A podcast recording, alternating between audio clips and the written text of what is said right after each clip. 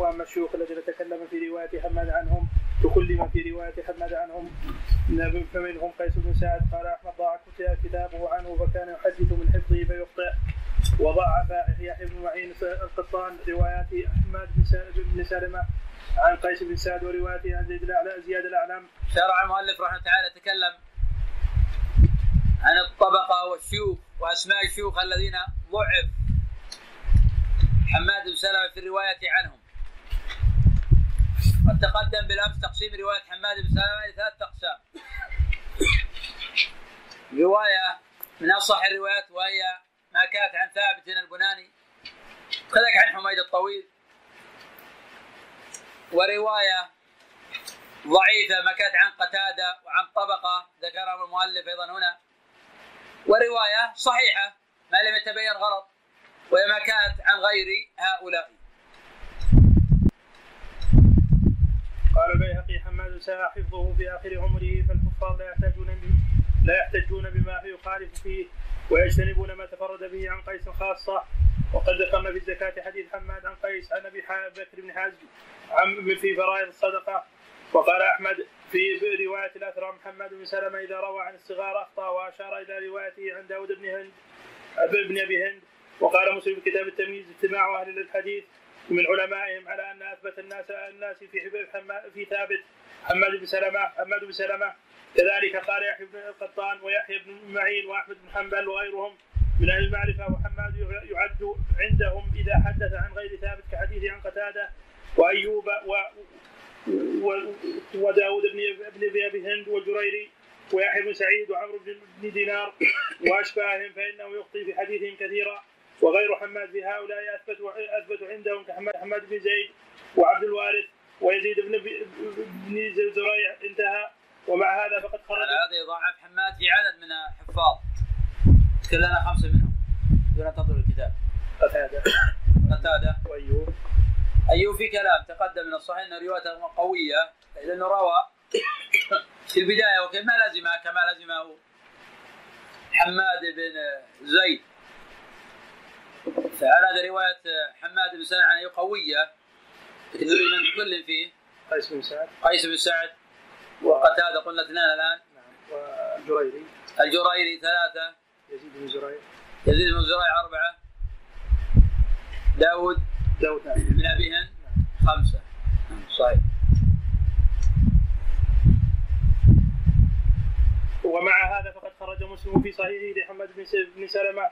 عن أيوب وقتادة وداود بن أبي هند أما بالنسبة لأيوب تقدم أنه قوي. أيوب تقدم أنه قوي عن أيوب. لأنه أدرك وحفظ عنه وضبط حديثه ثم تركه. خلال حماد بن زيد لازمه. وهذا لا يقتضي ضعف حماد بن سلمة عن أيوب. لكن لو اختلف حماد بن سلمة وأيوب نقدم حماد بن سلمة وحماد بن زيد نقدم حماد بن زيد في أيوب. لأن حماد بن زيد في أيوب أوثق. لكن حماد بن سلمة في ثابت أوثق من حماد بن زيد. أما حماد بن سلمة في قتادة مضطرب الحديث. وهو الذي روى عنه رواية كنا لا نعد الكدر والصفرة بعد الطهر شيئا. لفظة بعد الطهر زاد حماد بن سلمة عن قتادة. نعم. وداود بن هند والجريري ويحيى بن سعيد ولم يخرج حديثه عن عمرو بن بن دينار ولكن إنما خرج حديث ما خرج حديثه عن هؤلاء فيما تابعه عليه. فيما تابعه عليه غيره من الثقات.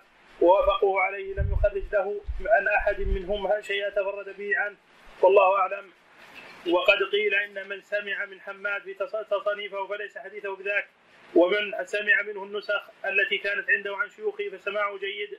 قال جعفر الطيالسي عن عن يحيى بن معين من سمع من حماد بن سلمة الأصناف ففيها اختلاف ومن سمع من حماد بن سلمة نسخا فهو صحيح. ومنه جرير بن حازم البصري ثقة متفق على تخريج حديثه وقد تغير قبل موته بسنة. لكن قال ابن مهدي حجبه اولاده فلم يسمع منه فلم يسمع منه في اختلاطه شيء ولكن يضعف في حديثه عن قتادة قال أحمد كان يحدثهم بالتوهم أشياء عن قتادة يسندها بواطيل. نعم لكن هذا ليس لأجل اختلاطه لأن جرير بن حازم حين اختلط قبل موته بعام حجر عليه أبنائه فلم يروي عنه وقت الاختلاط. ولكن قبل كان قبل ذلك يخطئ في أحاديث قتادة. من ذلك رواية ابن وهب عن قتادة عن جرير عن قتادة عن أنس أن انس رأى رجلا في قدم لمعة قدر الدرهم. هذا الخبر أنكره الإمام أحمد ويحيى وآخرون من الحفاظ. وقال لم يروي عن جرير إلا ابن وهب وحده. وهذا من أخطاء جرير عن قتادة. وقد ذكر الإمام أحمد رحمه الله تعالى عدة أحاديث لجرير عن قتادة أخطأ فيها. سيذكرها المؤلف رحمه الله تعالى. نعم. وقال أيضا كأن حديثه عن قتادة غير حديث الناس غير حديث الناس. يسند أشياء ويوقف أشياء. وقال عبد الله بن أحمد. نعم وهذا يبين مسألة الانسان ما يقتصر في الحكم على الاحاديث على ظواهر الأسانيد. فإن هذا لا يجدي. ولا يحرم على الشخص اللي ما عنده علم بالحديث أن يبني على الظاهر ويصحح ويضعف. يقرأ في التقريب ويصحح ويضعف. هذا آثم ولا وصاب لأنه يجني على السنة. لابد يكون عنده تمرس ومعرفة بمراتب الرجال وطبقاتهم. يكون عنده علم بالعلل لأنه إذا قرأ مثلا ابن وهب عن جرير عن قتادة عن أنس كلها كلها رجال الستة. قال إسناده صحيح. والخبر منكر. أو يقرأ عبد الرزاق عن معمر عن ثابت البناني عن أنس. كحديث يفطر عندكم الصائمون منهم من قال إسناده على شرط الشيخين؟ والخبر منكر باتفاق الحفاظ. لأن من رواية المعمر عن أهل العراق. ومعمر عن أهل العراق قال البصرة. ضعيف. وهذا منها. إذا لا حكم على ظواهر الأسانيد لازم معرفة طبقات الرواة ومراتبهم. ومتى يقبلون ومتى لا يقبلون. لأن الرواة على مراتب. القسم الأول من هو ثقة مطلقا في كل الرجال وفي كل البلدان؟ القسم الثاني. من هو ثقة في بلده؟ إذا روى عن غير أهل بلده أتى بالطامات كإسماعيل بن عياش وغيره. القسم الثالث.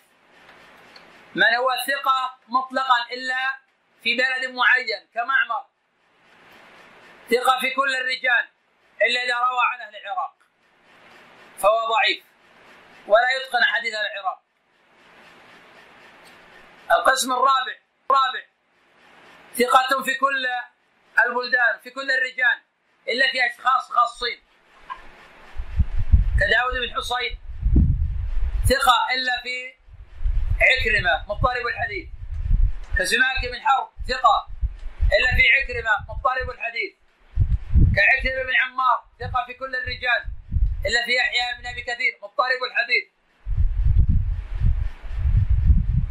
كجرير بن حازم ثقة إلا في قتادة. أحاديث لا تشبه حديث الناس. وهكذا. نعم. قال عبد الله بن أحمد عن يحيى بن معين ليس به بأس. قال عبد الله فقلت له يحدث عن قتادة عن أنس. باحاديث مناكير فقال ليس بشيء عن قتادة ضعيف. وقد أنكر عليه أحمد ويحيى وغيرهما من الأئمة أحاديث متعددة يرويها عن قتادة عن انس عن أنس عن النبي صلى الله عليه وسلم وذكروا أن بعضها مراسيل اسندها أسندها.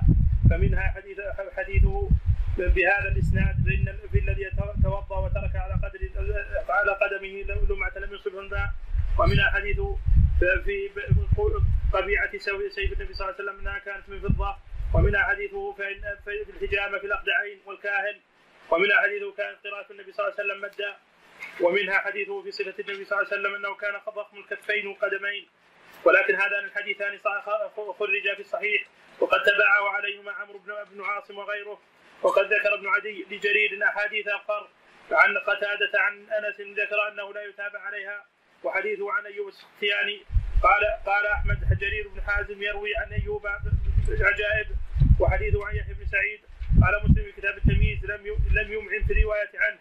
إنما إنما روى عن من حديثه نزرا يسيرا لا يكاد يأتي بها على التقويم والاستقامة. وأنكر حديثه عن يحيى عن عمرة عن عن عائشة أن النبي صلى الله عليه وسلم أمرها بالقضاء لما أفطرت في صيام التطوع. وكذلك أنكره الإمام أحمد والنسائي وغيرهما. وقد ذكرنا هذا الحديث في كتاب الصيام. وروى جرير بن حازم بن حازم عن ثابت عن أنس حديث إذا إذا قيمت الصلاة فلا تقوموا حتى تروني فبلغ ذلك محمد بن زيد فأنكره وقال إنما سمعه من حجاج الصواف عن يحيى بن أبي كثير عن عبد الله بن قتاده عن أبيه في مجلس في مجلس ثابت وظن أنه سمع من ثابت. الحديث ثابت لكنه غلط من حديث جرير. ولا في المتن هذا مخرج في الصحيح عليه مسلم وغيره. تأمل في الحفاظ رحمه الله تعالى كيف يفهمون هذا من حديث فلان وهذا ليس من حديث فلان. تأمل في مقولة الإمام أحمد رحمه الله تعالى حديث جرير عن قتادة لا تشبه حديث الناس. وتأمل في هذا الحديث يقول كان في مجلس ثابت فظنه عن ثابت. فالحديث ليحيى بن أبي كثير عن ابن أبي قتادة عن أبي قتادة. وليس من حديث جرير ولا من حديث ثابت. وهذا من حفظ هؤلاء الأئمة. وهذا يستدعي التسليم لهم في هذا العلم. وهذا ما أجمعوا عليه فهو الحق. وبالتالي نستقي المناهج من علومهم ومن فهومهم. وكل منهج يقوم على غير منهج هؤلاء لا بد يكون فيه خلل في ضعف وفي هشاشة. وذلك حين قامت المصطلحات المتأخرة على غير أصول هؤلاء صار فيها ضعف. وذلك دخل الآن في علم الحديث كل شخص كل شخص ما يضغط بالازره عن طريق النت يصحح ويضعف. لماذا؟ لأن عن طريق المتاخرين ما حد يمنع من ذلك. الله منظر ظاهر الإسناد وثقة ثقة ثقة وصدوق صدوق صدوق اسناده صحيح وانتهينا. وما يكتب خرج وعلق عليه صح أحاديثه العلامة المحدث فلان. هذه طريقة المتاخرين لأن طريقة المتقدمين لا عكس هذا. مبني على العلم وعلى العلل وعلى الرجال وعلى الحفظ. وعلى الاستقراء وعلى التتبع وعلى الدراسة. ومن ثم يقول الإمام الأوزاعي رحمه الله تعالى كان هذا العلم شريفا كريما. كان هذا العلم شريفا كريما. فلما دخل في الكتب دخل في من ليس من أهله. وهذا هو الحق. فلما دخل في الكتب دخل في من ليس من أهله. والان حين دخل في الأجهزة دخل في من ليس من أهله. إذا زاد الأمر زاد الأمر. فبالتالي لابد أن الإنسان يكون يعرف طريقة الأوائل. تعامل مع الحديث على طريقة الأوائل. كم من حديث ظاهر الإسناد وهو منكر أو موضوع. كحديث سعيد على قضاء حوائجكم وكتمنا كثير من المتاخرين يصححوا. مع أن الحديث موضوع هذا. يعني كما قال الإمام أحمد وعلي بن مديني وجماعة من هذا حديث موضوع. كذب على رسول الله صلى الله عليه وسلم. شواهد المتاخر يتوسعون فيه. مع أن عندنا وائل قليل جدا. يعني عد بالاصابع وبشروط. الآن لا تراعي الشروط. معظم تصحيحات المتأخرين عن طريق الأحاديث بالشواهد وعامتها منكره. لا يفرح بمثلها. كذلك هذا التصحيح على من كتب المتأخرين يأتي الاحاديث كتب المتأخرين في الاصول عند الدار قطني عند البيهقي أو جزء من عرفة ومثل هؤلاء ويقول هذا مما لم يطلع على الاوائل يصححه. وفي الاصول وحديث الاصول لا تقبل من كتب المتأخرين. إنما تقبل من كتب المتقدمين وان تكون مشاهير أيضا. لابد الحديث في الاصول أن تكون مشاهير. كذلك مسألة التدليس كذلك الحكم على حديث المجهول وغير ذلك من الاصول التي يخالف فيها المتاخرون ل قال رحمه الله تعالى محمد ومنهم محمد بن عجلان في روايته عن سيد المقبري وقد سبق حكايتها من قبل. قال المؤلف رحمه الله تعالى ومنهم محمد بن عجلان عن سعيد المقبري أي من الرواة الذين قد تكلم فيهم عن طبقة وعن شيوخ معينين ابن عجلان. فقد تكلم فيه عن سعيد المقبري. والذي تكلم فيه هو يحيى بن سعيد القطان. فقد تكلم يحيى بن سعيد القطان في رواية ابن عجلان عن المقبري وفي رواية ابن عجلان عن نافع.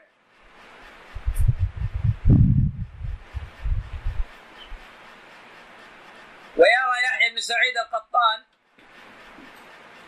أن ابن عجلان لا يميز بين ما يروي سعيد المقبري عن أبي هريرة وبين ما يروي سعيد المقبري عن أبيه عن أبي هريرة.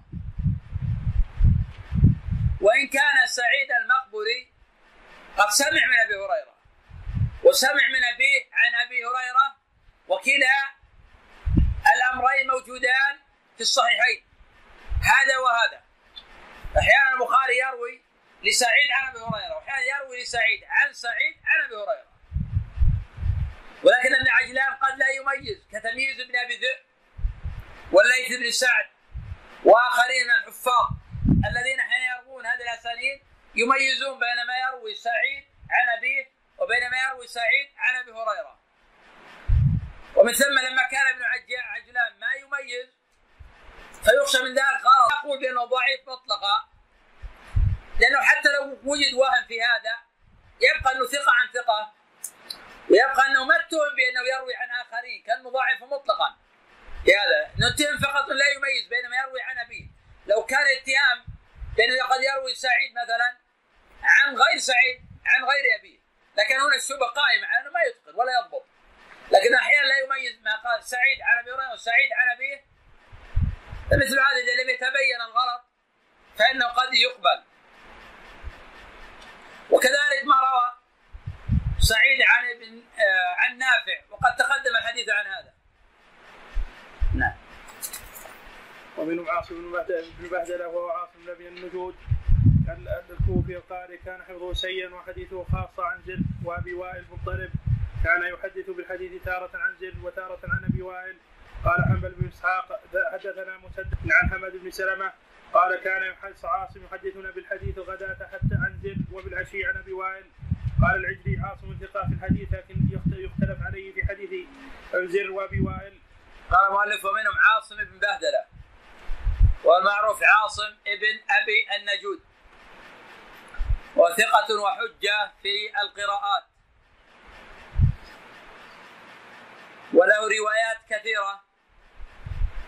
عن زر وروايات عن أبي وائل وأحيانا يجمع بينهما. وقد روى له البخاري في المتابعات. وخرج له أهل السنن. واختلف الحفاظ فيه على ثلاثة أقوال. فمنهم من قال لأنه ثقة مطلقة. له الترمذي وجماعة. ومنهم من ضعفه مطلقا. ومنهم من فصل في حديثه. قد تكلم جماعة من الحفاظ في مروياته عن زر وعن أبي وائل. مع أن معظم مروياته عن هذين الرجلين. وقد صحح الائمه لعاصم عن زر وعن أبي وائل أحاديث كثيرة. كذلك بالنظر وبدراسه أحاديث عاصم هو يتقن حديث زر وحديث أبي وائل. وزر وأبو وائل ثقتان ثبتان لا يختلف فيهما. ومن ثم الصواب انه صدوق في حفظه شيء يحتج به. ما لم يتفرد بأصل لم يصححه الحفاظ أو يخالف غيره من الأئمة. أما لو تفرد بأصل صحح الحفاظ فنقبله. كحديث السفيانين عن عاصم عن زر عن عبد الله بن مسعود رضي الله عنه أن النبي صلى الله عليه وسلم قال لا تذهب الليالي والايام حتى يملك العرب رجل من أهل بيتي يواطئ اسمه اسمي. جاءت رواية واسم أبي اسم أبي وهذه رواية شاذة وهي موجودة عند أبي داود. والذي رواه سفيان وأكابر الحفاظ عن عاصم بدونها. في المنار المنيف لابن القيم ذكر عن طائفة الاتفاق على صحة هذا الخبر. وهو أصل. وفي الباب حديث علي عند أبي داود وسند قوي. ومن هذا حديث تابع بين الحج والعمرة فإنه ينفيان الفقر والذنوب. وبهذا الإسناد فضل سورة تبارك عن ابن مسعود موقوفة. وأن الواقية والمنجية وأن من قرأ في ليلة فقد أكثر وأطنب. هذا إسناد صحيح إلى ابن مسعود. من طريق سفيان عن عاصم عن عن عبد الله بن مسعود. أما الآثار المرفوعة في فضل سورة تبارك فكلها معلولة.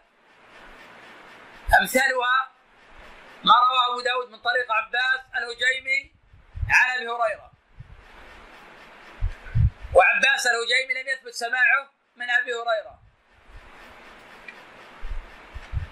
وأما بقية الطرق فضعفها ظاهر. وأثر عبد الله بن مسعود لا يبعد أن يكون له حكم المرفوع. لأنه لما جاء الاجتهاد في هذا. وقد قال الحافظ العراقي في ألفيته ومات عن صاحب بحيث لا. يقال راية حكمه الرفع على ما قال في المحصول نحو من أتى فالحاكم الرفع أثبته. نعم ومنهم هشام بن حسان قال يعقوب بن شيبة وهو يعد في أصحاب ابن سيرين ومن العلماء به, به وليس يعد من المثبت من المتثبتين في غير ابن سيرين. نعم هشام بن حسان خرج له الجماعة. وهو من الثقات في ابن سيرين. وقد روى عن الحسن واختلف في روايته عن الحسن والصواب أن هشام بن حسان في الحسن ثقة ولكنه ليس من أصحابه الكبار. وفي الجملة هشام بن حسان ثقة. والكلام فيه لا يؤثر على حديثه كثيرا لكنه إذا اختلف الناس في الحسن حسن فهو ليس من المقدمين فيه. إذا اختلف الناس في ابن سيرين فهو من المقدمين فيه. تقدم عندنا أصحاب الحسن. محمد. كلنا خمسة. محمد أنت؟ كلنا خمسة من أصحاب الحسن. حسن حسان حسن الستوائي نعم. حسن حسان. شبه حسان أخذناه قلنا ليس من المقدمين في أصحابه. أعطينا خمسة من الأكابر. يونس بن عبيد. هذا الرجل الأول في الحسن. وابن عون. وابن عون عبد الله بن عون. حفص المنقري نعم صحيح. حفص المنقري والاستوائي نعم. و... و... سيدنا أيوب سيد حفص صحيح. خمسة أصحاب ابن سيرين. هشام بن حسان. هشام بن حسان.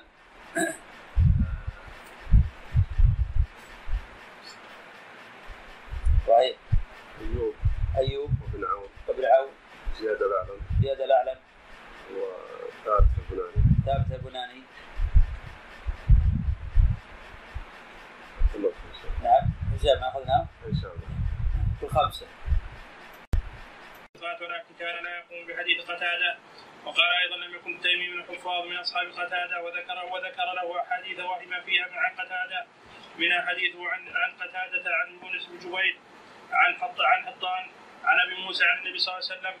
إنما جعل الإمام ليتم به. قال فيه وإذا قرأ فانصتوا. المؤلف رحمه الله تعالى تكلم عن سليمان التيمي. وهو أحد أوعية العلم وأحد أئمة الحفظ. وقد خرج له الجماعة.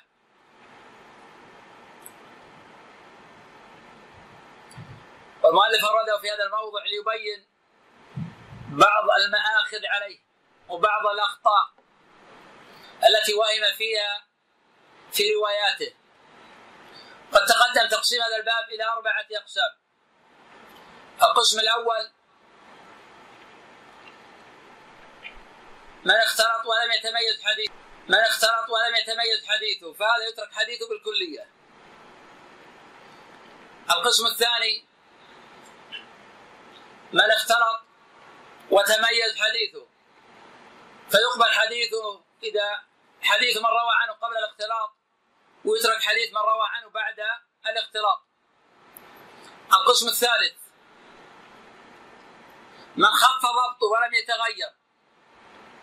قد تقدم تمييز من قيل عنه بأنه اختلط وأن هذا غلط. بأن طبقة من الحفاظ قيل عنه بأنه اختلط ولم يثبت ذلك عنهم.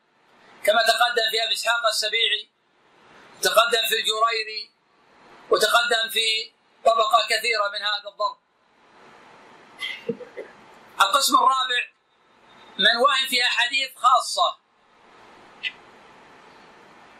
كما تقدم بالأمس على مرويات جرير على مرويات جرير. بن أبي حازم عن قتادة وجرير ثقة ثبت من رجال الستة. ولكنه أخطأ في أحاديث عن قتادة وأتى بمناكير عنه.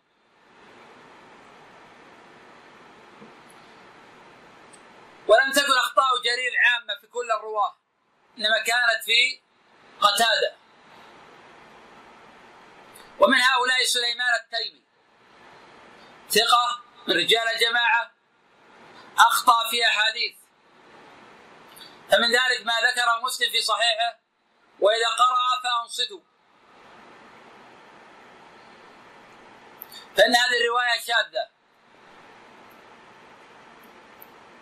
والغلط من سليمان التيمي. نعم. ولم يذكر هذه اللفظة أحد أحد من أصحاب قتادة أحد أحد من أصحاب قتادة الكفار. ومنها أنه روى عن قتادة عن أنس عن النبي صلى الله عليه وسلم أوصى عند موته بالصلاة وما ملكت أيمانكم وإنما رواه قتادة عن أبي الخليل عن سفينة عن النبي صلى الله عليه وسلم قال وهذا خطأ فاحش. ومنها أنه روى عن قتادة عن يونس بن جبير عن رجل من أصحاب النبي صلى الله عليه وسلم أنه صلى الله عليه وسلم صعد أحدا ومعه أبو بكر وعمر وعثمان فاهتز الجبل الحديث. وإنما روى عن قتادة عن أنس وإنما ومنها أنه روى عن قتادة أنه أن أبا رافع حدثه ولم يسمع قتادة من أبي رافع. ولم يسمع قتادة من ابي رافع. وهذا وقد ذكر الأثرم في العلل أنه عرض هذا الكلام على كله على أحمد. قال فقال أحمد هذا اضطراب. هكذا حفظت. وحديث سليمان سليمان التيمي في الانصات في الانصات إذا قرأ الإمام خرجه مسلم بصحيحه. وقد أنكر هذه الزياده غير واحد من الحفاظ كما ذكرناه في موضعه من كتاب الصلاة. وحديث سليمان عن قتادة أن أبا رافع خرجه البخاري في صحيحه وهو في حديث أن الله كتب كتابا فهو عنده.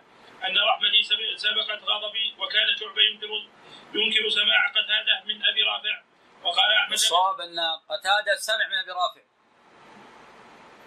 وهذا قد أثبته البخاري رحمه تعالى وغيره. واحتج به البخاري رحمه تعالى في صحيحه.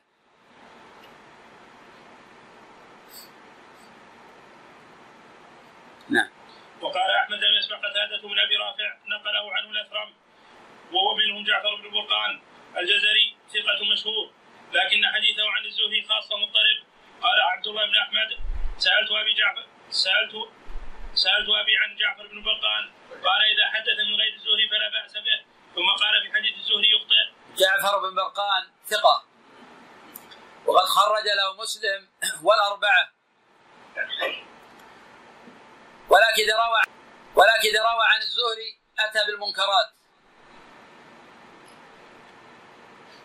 وله نظائر من الرواة كسفيان بن حسين صدوق لا بأس به.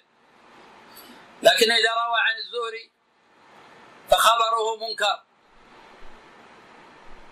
وفي طبقة أعلى من هؤلاء ولكن متكلم فيهم أيضا في الزهري. تقدم الحديث عن الأوزاعي في الزهري. تقدم الحديث عن ابن جريج في الزهري. تقدم الحديث عن ابن إسحاق في الزهري. تقدم ان اصحاب الزهري الكبار هم معمر وابن عيينة ومالك وعقيل بن خالد بن عقيل والزبيدي على الصحيح وشعيب وشعيب ابن أبي حمزة هؤلاء هم الطبقة الأولى من أصحاب الزهري. نعم. وقال ميمون عن أحمد جعفر بن برقان ضابط لحديث ميمون وحديث وحديث وحديث يزيد بن الأصم وهو في حديث الزهري يضطرب ويختلف فيه. قال ابن معين هو ضعيف الزهري. وقال يحيى مرة ليس هو في حديث الزهري بشيء. ونقل إبراهيم بن جريج عن إبراهيم بن معين قال جعفر بن برقان ثقة فيما يروي عن غير الزهري واما ما روى عن الزهري فهو ضعيف. وكان اميا لا يكتب وليس هو مستقيم الحديث عن الزهري وهو في غير الزهري أصح حديثا. وقال يعقوب بن شيبة قلت لابن معين أما روايته روايته عن الزهري فليست مستقيمة. قال نعم. وقال ابن نمير هو ثقة أحاديثه عن الزهري مضطربة. قال الفرقاني سألت الدار قطني وأبو سألت الدار قطني و وأبا. وابو الحسين بن مظفر الحسين بن مظفر حاضر. وأبو الحسين بن مظفر حاضر. عن جعفر بن برقان قال فقال جميعا قال أحمد بن الحنبل يؤخذ من حديثه ما كان عن عن غير الزهري فأما عنه فلا. قلت لقد لقيه فما بلاؤه قال ربما حدث الثقة عن ابن برقان عن الزهري ويحدث الآخر عن ابن برقان عن رجل عن الزهري أو يقول بلغني عن الزهري. قال فأما حديثه عن ميمون بن مهران بن مهران ويزيد بن عصام فثابت صحيح. وقال ابن عدي هو ضعيف في الزهري خاصة. وكان أميا ويقيم روايته روايته عن غير الزهري ويثبتونه في ميمون بن وغيره وكذلك قال العقيلي هو ضعيف في روايته عن الزهري. وذكر له حديثه عن الزهري عن سالم عن أبيه عن النبي صلى الله عليه وسلم أنه نهى عن لبستين عن لبستين وبيعتين ونكاحين وعن مطعمين. وذكر الجلوس على الماء على مائدة يشرب عليه الخمر وأن يأكل الرجل وهو منبطح على وجهه. وقال لا يتابع عليه من حديث الزهري. ويروى عن غير من كل هذه روايات منكرة. هذه الأحاديث كلها منكرة. وهي من منكرات جعفر بن برقان. وهي من روايته عن الزهري. نعم قد يتابع على بعضها لكن تصح من غير طريقه لا من طريقه. مثل ما رأيت جعفر بن برقان عن الزهري فهو ضعيف ولا يحتج به. نريد خمسة مما لا يحتج به في شيوخ مختلفين اذكر لنا. نعم. حماد بن سلمة عن قتادة. معمر عن ثابت. لا غير. غاير. خمسة أمثلة. أيوب عن نعم. لا أيوب عن حسن قوي.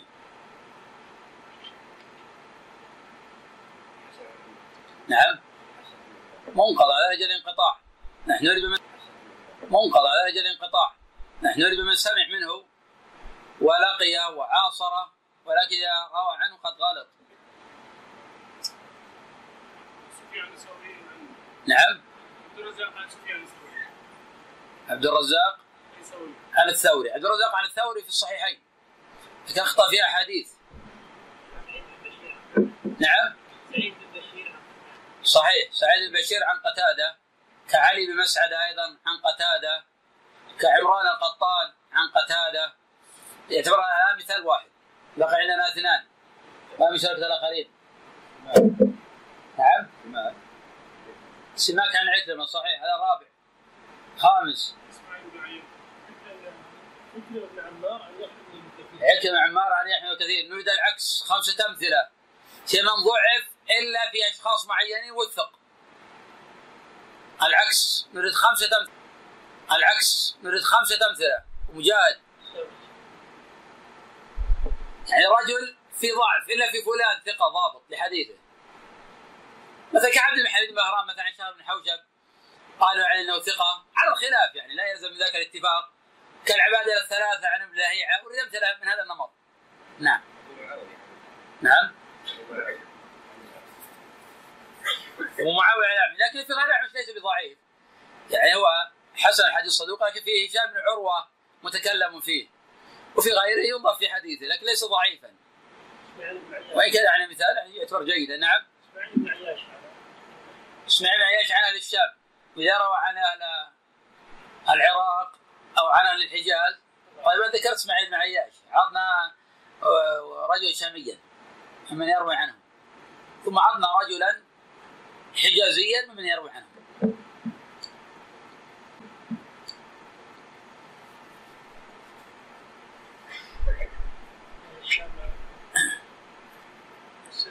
نعم.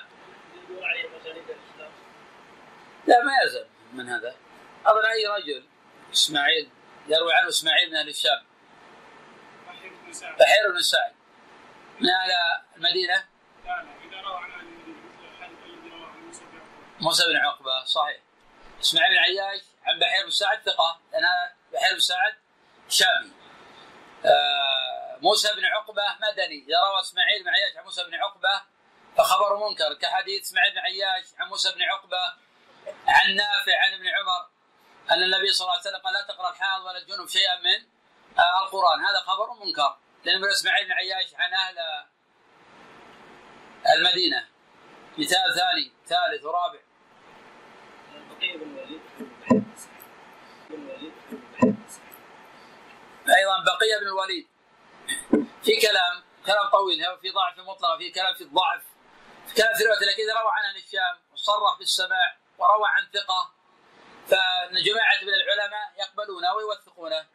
كما لو صرح عن صفوان أو عن بحير بن سعد. نعم صحيح. نعم.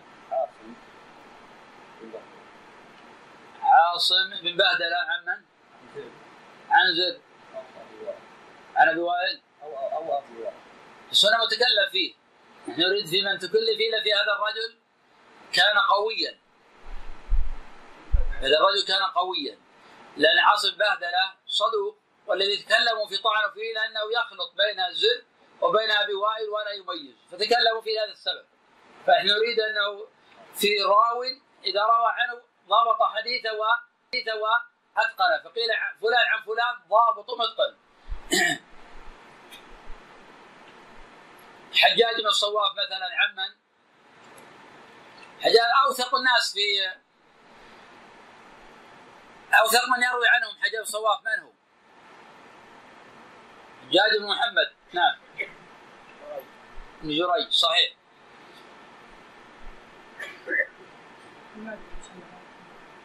نعم. حماد بن سلمة. عن ثابت اوثق الناس في ثابت بن أنه حماد بن سلمة. لكن هو ضعيف في الرواة الآخرين. أو عن ثلاث أقسام. قسم ثقة كعن حميد وعن ثابت. قسم ضعيف كعن قتادة. قسم لا بأس به في عن غير هؤلاء ما لم يتفرد بأصل أو يخالف. نعم. نعم. نعم هشام بن سعد عن زيد نعم هشام بن سعد عن زيد بن أسلم. قال الإمام أبو داود رحمه تعالى هشام بن سعد من أوثق الناس عن زيد بن أسلم. والبخاري رحمه تعالى ورد في كتاب الزكاة خبرا وصله أبو داود وجزم بصحته مع أن من رواية هشام بن سعد عن زيد بن أسلم مع أن هشام بن سعد سيء الحفظ. نعم. الوليد موسى عن الاوزاعي كان طيب الوليد موسى ثقة في كل الرجال. لكنه نعم هو ثقة من أقوى الناس في الأوزاعي ولكن الوليد موسى أيضا ثقة في كل الرجال لأنه رجال جماعة. واما الكلام فيروى عن غير حديث الزهري باسانيد صالحه كان خلى الجلوس على المائده مائدة يشرب عليها الخمر. فالرواية فيها لين وقال فيها لين. وقال مسلم في كتاب التمييز جعفر بن مرقان أعلم الناس بميمون بن مهران ويزيد بن اصم فأما روايته عن غيرهما كالزهري وعمرو بن دينار وسائر الرجال وسائر الرجال فهو فيما فيه فيها ضعيف الركن رديء الضبط. في روايه عنهم قلت لا يبعد أن يكون حديثه أن يكون حديثه يكون حديثه. أن يكون حديثه عن أهل الجزيرة خاصة محفوظة. بخلاف حديثه عن غير عن غيرهم وتحقيق ذلك يحتاج إلى سبل أحاديثه عن عن غير الجزريين كعكرمة ونافع. قال عليه وصحبه اجمعين قال رحمه الله تعالى ومنهم معقل بن عبيد الله الجزري ثقة كان أحمد يضاعف حديثه عن أبي الزبير خاصة ويقول يشبه حديثه حديث ابن ابن لهيعة ومن أراد حقيقة الوقوف الوقوف على ذلك فلينظر إلى أحاديثه عن أبي الزبير فإنه يجدها فإنه يجدها عند ابن لهيعة يرويها يجدها فإنه يجدها. فإنه يجدها عند ابن لهيعة يرويها عن أبي الزبير كما يرويها معقل سواء ومما أنكر على على معقل في هذا الإسناد الحديث الذي توضأ وترك لمعة لم لم يسقها الماء وحديث النهي عن ثمن السنور وقد السنور السنور السنور وقد خرجهما مسلم في صحيحه وكذلك حديث لا يقيمن أحدكم أخاه يوم الجمعة ثم يخالف إلى مقعده. ومنهم المغيرة بن مسلم. ذكر المؤلف رحمه الله تعالى معقل ابن عبيد الله. وهو من رجال مسلم وأهل السنن. وقد تكلم في أحاديثه عن أبي الزبير. وقال هي تشبه أحاديث ابن لهيعة. فمن ذلك ما رواه مسلم في صحيحه من طريق معقل بن عبيد الله عن أبي الزبير عن جابر عن عمر. أن النبي صلى الله عليه وسلم رأى رجلا في قدمه لمعة لم يصبها الماء. فقال ارجع فاحسن وضوءك. وهذا الخبر معلول. والعهدة فيه على معقل بن عبيد الله. والصواب في هذا الحديث ما رواه الإمام أحمد رحمه الله تعالى في مسنده. من طريق عبد الله بن لهيعة. قد قال الإمام أحمد الحديث حديثه وليس حديث معقل. وقد خرج مسلم رحمه الله. بعض الأحاديث لمعقل ابن عبيد الله. فاختلف نظر أهل الحديث في هذه الأخبار. فمنهم من ضعفها مطلقا لمقولة الإمام أحمد وغيره من الأئمة. وأن معقل بن عبد الله في أبي الزبير في نظر. ومعقل في غير أبي الزبير يحتج به. أما في أبي الزبير ففي أحاديث نظر. ومنهم من ذهب إلى تضعيفها كلها كما فعل الإمام أحمد وكما فعل أبو الفضل الشهيد في علله على الإمام مسلم وكما فعل ذلك غير واحد من الحفاظ. وهذا مذهب قوي. لأن من تأمل في أحاديث معقل بن عبيد الله رأى النكارة فيها. أحيانا وعلى هذا فأحاديث معقل. عن أبي الزبير خاصة معلولة. كل ما ورد من هذا فهو معلول. كما نص عليه الإمام أحمد رحمه تعالى. ومن ثم ما جاءت رواية في هذا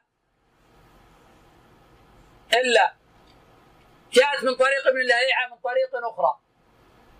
فهذا دليل على أن الحديث حديث ابن لهيعة لا حديث معقل. ولكن لا يعني هذا تضعيف المتون. لأن قد تكون وردت من طرق أخرى فنحن نتكلم على الأسانيد. أما حديث ارجع فأحسن وضوءك نعم كما قلنا هو معلول. وليس له طرق أخرى. أما بعض الأحاديث التي ورد المؤلف فهي ثابتة من طرق أخرى. وجاء حديث عمر من حديث أنس ولكن أيضا من رواية ابن وهب. عن جرير عن قتادة جرير وإن كان ثقة عن قتادة منكرة. وهذا من منكرات جرير عن قتادة فهو خبر منكر. وجاء من طريق بقية قال حدثني بحير ابن سعد عن خالد ابن معدان عن رجل من أصحاب النبي صلى الله عليه وسلم به. وهذا أحسن شيء ورد في هذا الباب. وقد قال عنه الإمام أحمد رحمه الله تعالى إسناده جيد. وقد تكلم فيه لأجل بقية والخلاف في بقية معروف لكن هنا صرح بالسماع وروى عن شامي. وبقية إذا روى عن شامي وصرح بالسماع فلا بأس بحديثه. وليست المشكلة فيه هنا. المشكلة في خالد معدان قال عن رجل من أصحاب النبي صلى الله عليه وسلم ولم يصرح بسماع من هذا لأنه قد يغلط فيها كثير من الناس. هذه القاعدة إذا كان التابعي يروي عن الصحابة ممن سمع منهم وممن لم يسمع. إذا كان التابع يروي عن الصحابة ممن سمع منهم وممن لم يسمع. ثم جاءت رواية قال عن رجل من الصحابة ولم يذكر سماعه منه. فهذا الخبر معلول ولا نقبله. لأننا لا ندري. أسمع. هذا التابعي هذا الخبر من الصحابي أم لا؟ وأما إذا كان التابعي قد سمع من عشرة من الصحابة ولم يروي عن غيرهم روى عن عشرة وسمع منهم ولم يروي عن غيرهم أو روى عن واحد أو اثنين أو ثلاثة أو أكثر أو أقل منهم. ثم جاءت رواية عنه قال عن رجل من الصحابة ولم يسمه. فهذا مقبول واحتج به. لأن شبهة احتمال أنه روى عمن لم يسمع منه منتفية.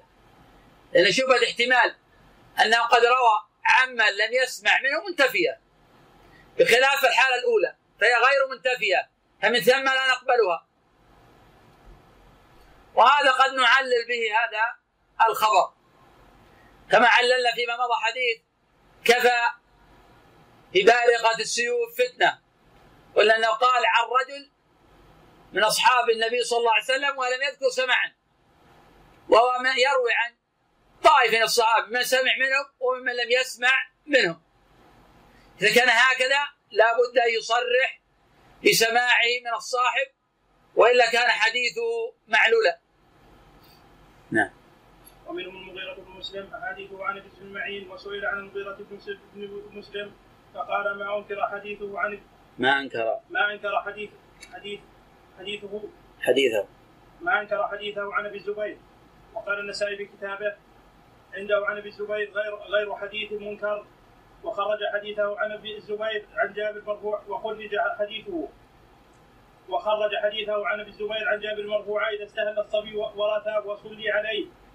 وخرجه من طريق ابن جريج عن ابي الزبير موقوفا وقال هو صح وقد ذكرنا له حديثا آخر في كتاب الأطعمة في النهي عن بيع الجلالة. بهذا الإسناد وهو أيضا منكر وقد روي من من وجه آخر عن ابي الزبير مرسلا وهو صح